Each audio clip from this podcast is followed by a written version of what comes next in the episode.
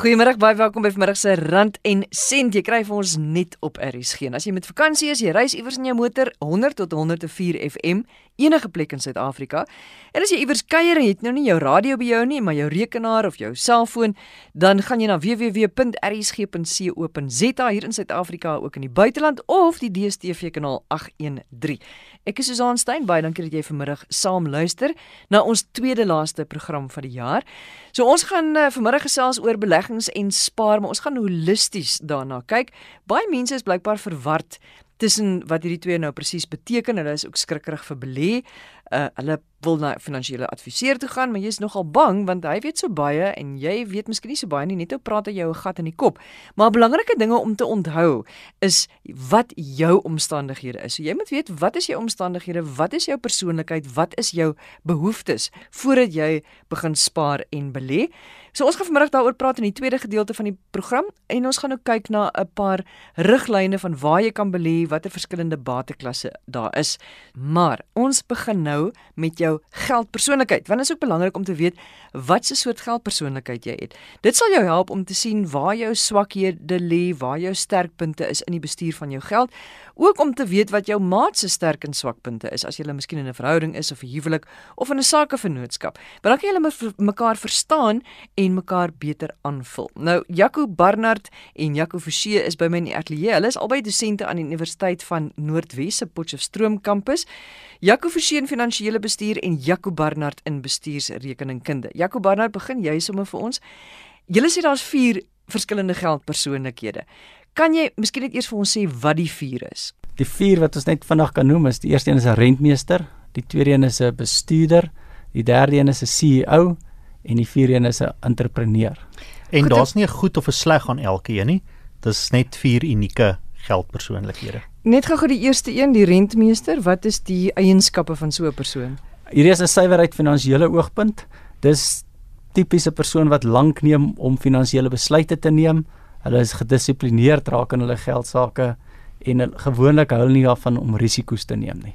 So hulle, ons het vroeër gepraat oor oor emosies. Hulle word ook gewoonlik 'n bietjie meer gedryf deur vrees. Goed, die tweede persoon of die tweede geldpersoonlikheid is jou CEO. Ja. So dis 'n persoon wat in beheer wil wees van sy finansies. Hy vertrou nie gewoonlik ander persone nie. So hy hou daarvan om self te weet wat aangaan. So tipies in 'n huishouding is dit die ou wat alles beheer en niemand anders weet wat aangaan nie en hulle wil gewoonlik finansiëel suksesvol wees is vir hulle redelik belangrik. En hulle sterkste emosie is gewoonlik, dit klink baie sleg om te sê, maar gierigheid. Derde persoon is ons bestuurder. Die eienskappe van 'n bestuurder, hulle finansiële sake is gewoonlik in beheer. Hulle is gewoonlik goed daarmee om begrotings op te stel, maar hulle hou nie daarvan om te van veranderinge nie. So dit wat hulle gewoonlik doen, hulle hou daarvan. So mense moet nie nou kom met ander idees wat hulle nie van hou nie. Dis gewoonlik die die moeilikste mense om te oortuig om om hulle finansiële posisie te verander en te verbeter want hulle hou van wat hulle op die oomblik doen. En dan laastens is die entrepreneur. Ja, dis een wat ons as rekenmeesters gewoonlik die verste van af is. Dis persone wat finansies om dit te beheer is glad nie vir hulle belangrik of 'n sterkpunt nie. Hulle hou van risiko's neem. Hulle is baie keer impulsiewe kopers, maar hulle is goeie eienskap wat 'n slegte een kan wees. Hulle hou daarvan om geld weg te gee om ander mense te help en ja. Dis die persone wat baie maklik 'n geleentheid sal raak sien en sonder om te veel te dink haal soor kop daaraan duik want hulle sien net die moontlikheid om baie geld te maak. Is dit belangrik om te weet wat jou geldpersoonlikheid het of liewer is? En as jy dit nou weet, wat doen jy dan nou daarmee? Weet, weet jy Susan, dit is verskriklik belangrik om dit te weet want as jy weet wat jou geldpersoonlikheid is, kan jy weet wat jou sterkpunte is.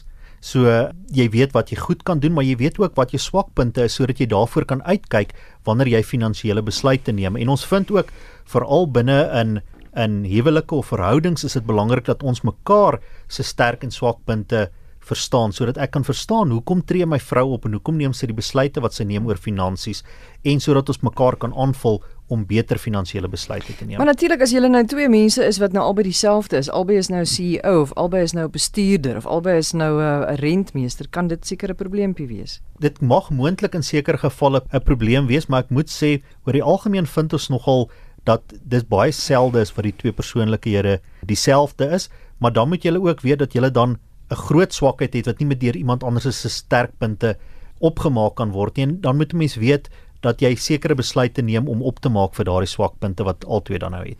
So veronderstel jy's 'n rentmeester, jy het nou die eienskappe van 'n rentmeester gegee. Wat moet jy weet en waarvoor moet jy op die uitkyk wees en waar kan jy maar gerus wees? Ek dink die sterkpunt van rentmeesters is is dat hulle mors nie sommer geld nie. En dan die negatief wat daarmee saamgaan is hulle is baie keer baie suinig. So so of hulle kan gesien word as baie suinig wees. Dis die tipiese ou wat solank die hemp nog toemaak wat hy moet toemaak, hom sal dra al het net dalk nou 'n gat in en hy hy sal bietjie verbleik. Wie van julle is 'n rentmeester? Gelukkig of ongelukkig nie een van ons nie. Ek dink ek is meer so. En ek dink die die ander swakpunt is hulle is geneig om baie konservatiewe beleggings te maak. So hulle hou daarvan om veilig te wees geld in die bank is beter as enigiets anderste. So hou nie van risiko's nie en die, die negatiewe kant van die risiko's neem nie is jou opbrengs is baie keer beperk. So hulle moet dan miskien gaan sit en in 'n bietjie ontspan en besluit, goed, ek gaan hierdie jaar gaan ek 'n bietjie waag om 'n risiko te neem. Ja, en as ons sê risiko's beteken dit nou nie gaan koop Bitcoin as ons nou 'n voorbeeld van Bitcoin kan gebruik nie, maar om te sê ek kan nie net my geld in die bank sit nie, want dit is eintlik ook 'n risiko om net te sê ek gaan rente verdien teen 3 of 4%. Daar is beter geleenthede dalk wat bietjie meer risiko is, maar daar's meer potensiaal. En die dinge wat 'n CEO moet weet of die die bestuurshoof moet weet? Weet jy hulle sterkpunte is hulle wil in beheer wees van finansies en hulle wil finansiëel onafhanklik wees. So dis gewoonlik die persone wat bereid sal wees om die opofferings te maak om die regte besluite te neem want dis vir hulle belangrik. Hulle wil suksesvol wees daarin. Hulle swakpunte is egter hulle mag baie hard wees op die ander persone in die gesin. Ek vind myself ongelukkig baie keer daar dat ek baie maklik sal sê, "Maar daar's nie geld hiervoor nie." of um, ek kan verwag dat my vrou dieselfde oordeel sal vel oor 'n oor 'n sekere besluit. En 'n ander nadeel is hulle mag te maklik ook risiko neem vir 'n vinnige wins. En dan die ek wil amper sê die laaste nadeel is ons vind dat ons CEOs eh, baie keer nogal te veel selfvertroue het. Ja, te veel selfvertroue het of dink hulle is baie meer capable om die die besluite te neem mm, en mm. wil nie dan raad kry by ander mense nie. Ja, ek ek en Jaco val ongelukkig altyd redelik in die CEO kategorie en so. Nou goed, julle sê dat ek val onder die bestuurder kategorie. So net nou versigtig nou. Nou wat is nou die uh, die voordele, die nadele, die dinge wat ek moet weet, wat ek aan moet werk of verander? Kom ons praat eers oor die goeie dinge. Die goeie dinge is dat die bestuurder neem gewoonlik redelik tyd voor besluit geneem word. So hulle sal nie net in donderende besluit nie. Hulle sal navorsing doen en en tyd vat. Hulle sal ook nie maklik besluite neem op hulle op grond van hulle emosies nie. Maar weet jy Jacques, dit is nie heeltemal waar nie, want ek gaan altyd op my gevoel. My gevoel sê gewoonlik vir my wanneer ek iets moet doen of wanneer ek iets moet laat gaan en dikwels is dit reg. Emosies speel 'n rol, groot rol by finansiële besluite, maar as jy finansiëel geletterd is, dan neem jy meer besluite met jou kop. Hmm. So ek dink wat gebeur in 'n geval soos jy jy dink dis baie keer emosioneel, maar jou jou finansiële kennis, al dink jy self dis dalk nie so goed nie, is dit dalk heelwat beter en so jy dink as 'n emosionele besluit, maar daar's 'n groot mate van kennis by en finansiële geletterdheid wat maak dat dit nog steeds die regte besluit kan wees. En as 'n mens kyk aan die goed na die goed waarna die bestuurder moet werk, wat wat dat ek dan nou sal moet verander? Weet jy, ehm um, die bestuurder se twee grootste um, swakpunte. Die een is dat hulle moontlik 'n bietjie te konservatief kan wees. Hulle is nie baie lief om risiko te neem nie.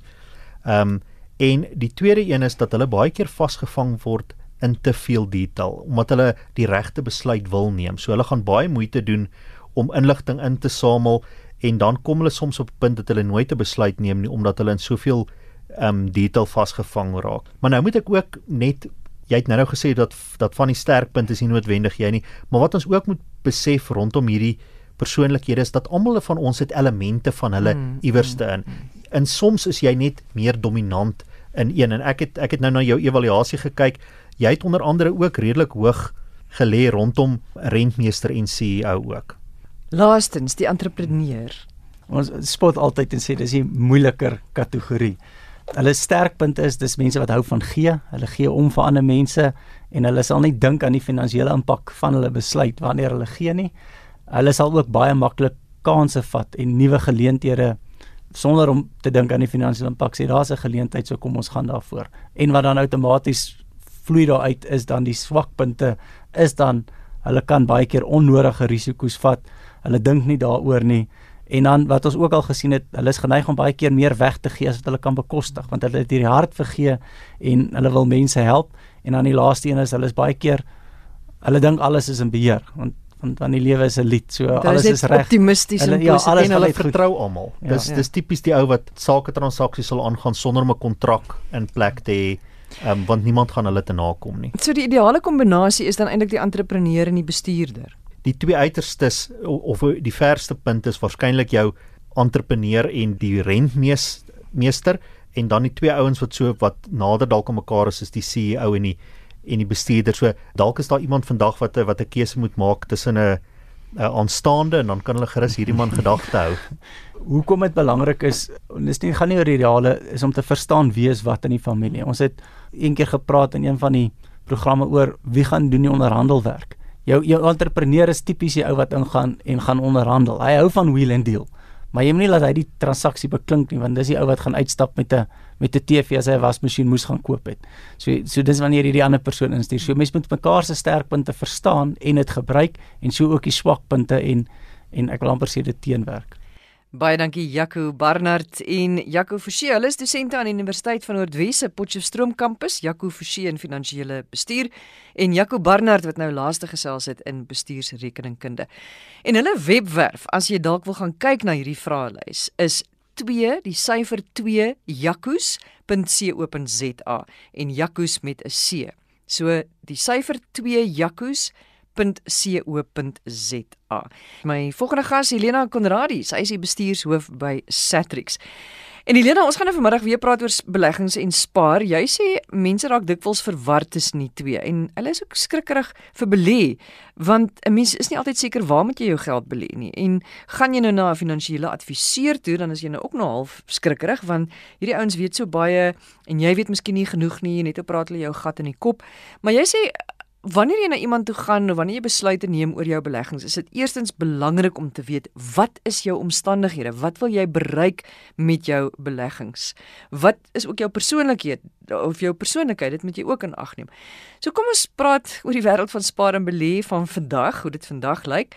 Asook so 'n paar bateklasse, maar maar begin maar sommer met algemene riglyne asseblief. Ek dink as jy nou as ek nou terugvat toe ek 'n kind was, ek het niks geweet van van geld nie. Ek het nie geweet mens moet moet spaar nie. Ek dink daar is ten minste deesdae word daar baie meer aandag gegee aan die konsep van jy moet as jy iets wil hê, moet jy nou al begin wegsit en dan hopelik eendag kan jy jou kan jy jou um, rekenaar koop, jy kan oorsee gaan. So ek dink daar het ons al baie vordering gedoen, gemaak, maar wat wat nog nie genoeg aandag kry nie is die kliënt self. So die bedryf skrik baie mense af net omdat daar te veel keuses is.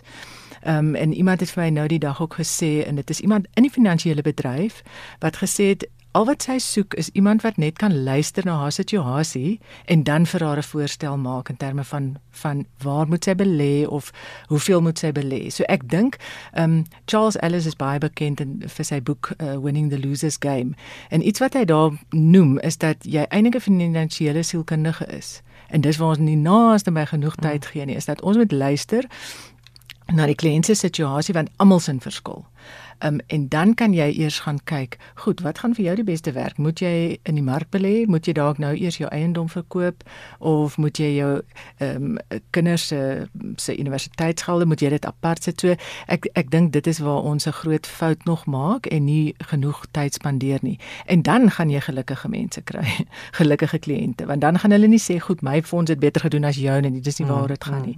Dit gaan dat dit wat vir my belangrik is, kon ons dit bereik saam. En ek dink dis waar finansiële adviseurs wat hulle self amper op daai manier kan onderskei. Hulle gaan hulle gaan ook die beste raadgewer wees vir 'n kliënt. As iemand met jou praat oor beleggings, wat wat sou jy sê? Wat sal jy dan vir so 'n pers persoon sê? Iemand sê ek wil ook belê, maar Hmm. waar, hoe, wat? Ek dink die eerste beginsel is baie mense dink jy kan vinnig ryk raak. En ek dink Warren Buffett sê ook dit is waar jy uh, waar jy die fout maak as jy wil vinnig ryk raak. So as jy belê, daar's twee konsepte. Spaar um, is is 'n baie breër konsep. Ek dink ons het almal geleer jy sit um, in 'n bankrekening 'n maandelikse bedrag weg en dan dit is hoe jy spaar.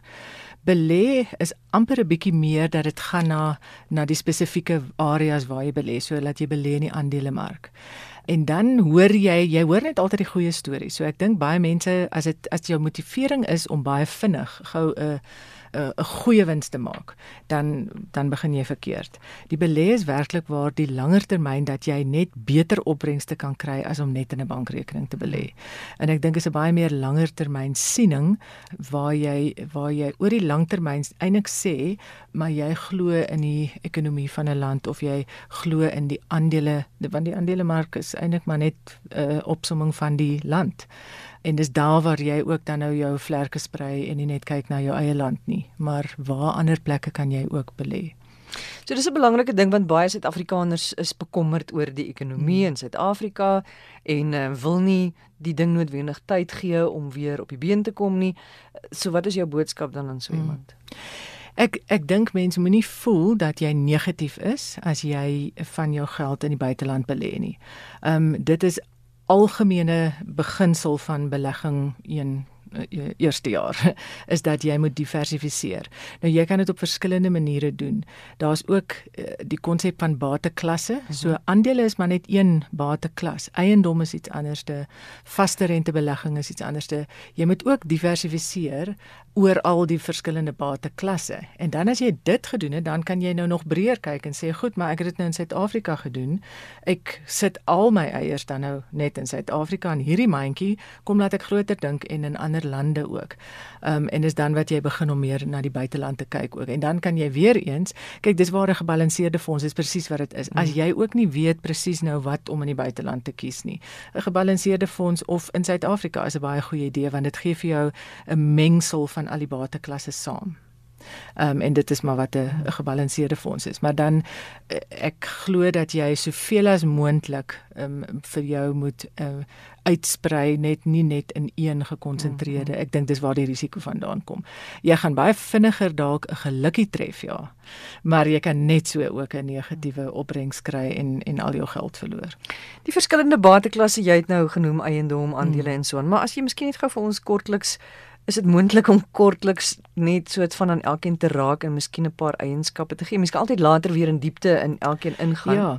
As mens nou begin met eiendom, ek dink dis amper die belegging in die in die algemeen is 'n moeilike konsep want jy kan dit nie vat nie. Jy kan dit nie raak nie. As jy as jy 'n produk verkoop en jy sê goed, hier's 'n pen um, en jy betaal vir my R50 daarvoor. Jy kan hom vat. Onmiddellik weet jy wat jy het. As jy geld wegsit, jy sit dit weg, jy sien dit nie weer nie tot jy dit onttrek die dag. So dis 'n baie moeilike konsep in die algemeen. Maar 'n belegging in 'n eiendom, dis dink ek hoekom baie mense amper eiendom verkies. Jy kan dit sien. Jy kan sien my hier's my huis. Ehm um, dit is iets fisies, ja. En as jy 'n bietjie bekommerd voel, dan kan jy heen en ja. weer voor jou huis gaan ry en ja, ja, daar jy nog huis en nog belegging huis, ja. en jy kan 'n eiendomsagent inkry en sê, um, "Waardeer gou vir my my huis" en ek sien dit het bietjie gegroei. So 'n uh, eiendom ehm um, en en dis ook 'n goeie begin miskien om te verduidelik, daar's jy het groei wat jy soort van kapitaal groei, so jou jou eiendom self het in waarde vermeerder. Ehm um, dis die een konsep en dan kan jy ook as jy hom uithuur dan kry jy 'n maandelikse inkomste en dit is jou inkomste gedeelte. So dit is die dis amper waar die verskillende bateklasse verskil ook. So eiendom gee vir jou 'n bietjie van albei, vaste rente gee ook vir jou 'n bietjie van albei. Jy kry 'n kupon, jy kry 'n um, um, inkomste uit die uit die uh, vaste rente belegging wat jy doen en dan die vaste rente belegging kan ook groei op en af. Aandele is um uh, is is groei en dividende. So maatskappye soos wat hulle vir jou uitbetaal so en watter fonds jy ook al belê, dis dividende. En jy kan besluit, beerbelê ek dit of gebruik ek dit as inkomste as ek elke kwartaal um, daai inkomste nodig het. En dan het jy nou jou die maklikste een van almal wat die bankbelegging is waar jy eintlik maar begin. Um, en sê goed, hier het ek geen volatiliteit nie. My belegging wat ek insit dit gaan elke maand rente verdien. Dis die enigste enigste veranderlike wat daar is en so kan ek oor tyd kan ek van R50 af gaan na R100 oor tyd. By elkeen van die ander bateklasse is daar volatiliteit. So jy kan begin met R50, daar kan 'n slegte jaar wees vir eiendom jy kan afgaan na R40 toe. So dit is ook wat jy daar's by hulle dis dis die risiko element wat inkom. Maar eiendom is is soos aandele, dis 'n langtermynbelegging. Jy koop nie Ja. vandag 'n eiendom en dink ek gaan oor 'n Ja. jaar, dit kan dalk soos mm. gebeur, maar dit is langtermyn. Dis langtermyn. So daar's die belangrike daar's soort van uh, daar's drie komponente wat jy altyd na moet dink. Wat is die opbrengs wat ek wil hê? Miskien wil jy ehm um, uh, ek meen baie gestabiliseer as jy vir jou kind spaar. Ehm um, jy weet naaste by waarna toe jy werk. So jou opbrengs is belangrik. Wat wil ek hê? Hoeveel tyd het ek? En dan hoeveel risiko kan ek hanteer? Want die risiko kom met die volatiliteit. Kan ek dit waag om my as dit as dit 'n slegte aandelemark jaar is, kan ek nog 'n jaar lank wa langer wag of moet ek volgende jaar daai geld vat?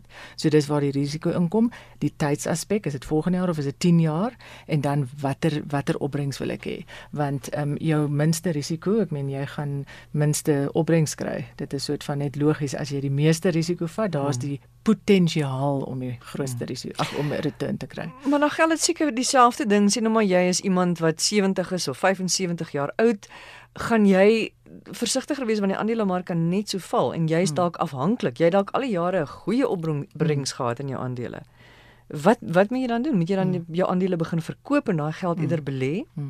Dis waar 'n gebalanseerde fonds gebruik min of meer dieselfde uh, beginsel. Jy kan 'n lae risiko fonds kry, jy het 'n medium risiko, jy het 'n hoë risiko fonds. Dis nou maar net drie voorbeelde. Die hoë risiko sal tipies wees waar jy 'n groter blootstelling het aan aandele. So jou jonger persoon gaan daarin belê. Ehm um, waar jou lae risiko kan wees afhangende van ook, dit kan wees dat dit ouderdom die faktor is of net eenvoudig dat jy nie hou van risiko nie. dat jy dit nie kan uh, kan stomach nie. So daar kan jy as jy 'n ouer persoon sal oor tyd gaan jou fonds, gaan jou aandele komponent en jou vaste rente gaan groter raak. Ehm um, en en jy moet net weet dat ja, so die bateklas allocasie ehm um, dit verskil in met tyd. Helena baie dankie. Ons moet groet. Dis Helena Konradi, sy is die bestuurshoof by Satrix. Ons hoop is 'n baie goeie jaar vir jou. Dit is ons program vir vandag. Onthou die Rand en Sent boek As jy uh, nog nie jou Kersgeskenk gekoop het nie, dit is by verskeie boekwinkels beskikbaar. Gaan maak dit raai dat dit is regtig 'n ideale Kersgeskenk. As jy dit vir iemand wil gee wat ehm um, miskien die jaar wil ingaan met 'n bietjie meer kennis oor geld sake, want ons praat oor spaar, ons praat oor beleggings, ons praat oor testamente, ons praat oor die begin van jou eie onderneming. Ons gee vir jou wenke hoe om uh, goedkoop te eet en Ja, daar weet jy jy noem dit en is daar as wenke oor versekerings. So gaan maak gerus 'n draai by jou naaste boekwinkel en skaf jou hierdie boek aan of vir iemand vir wie jy baie omgee vir 'n Kersgeskenk.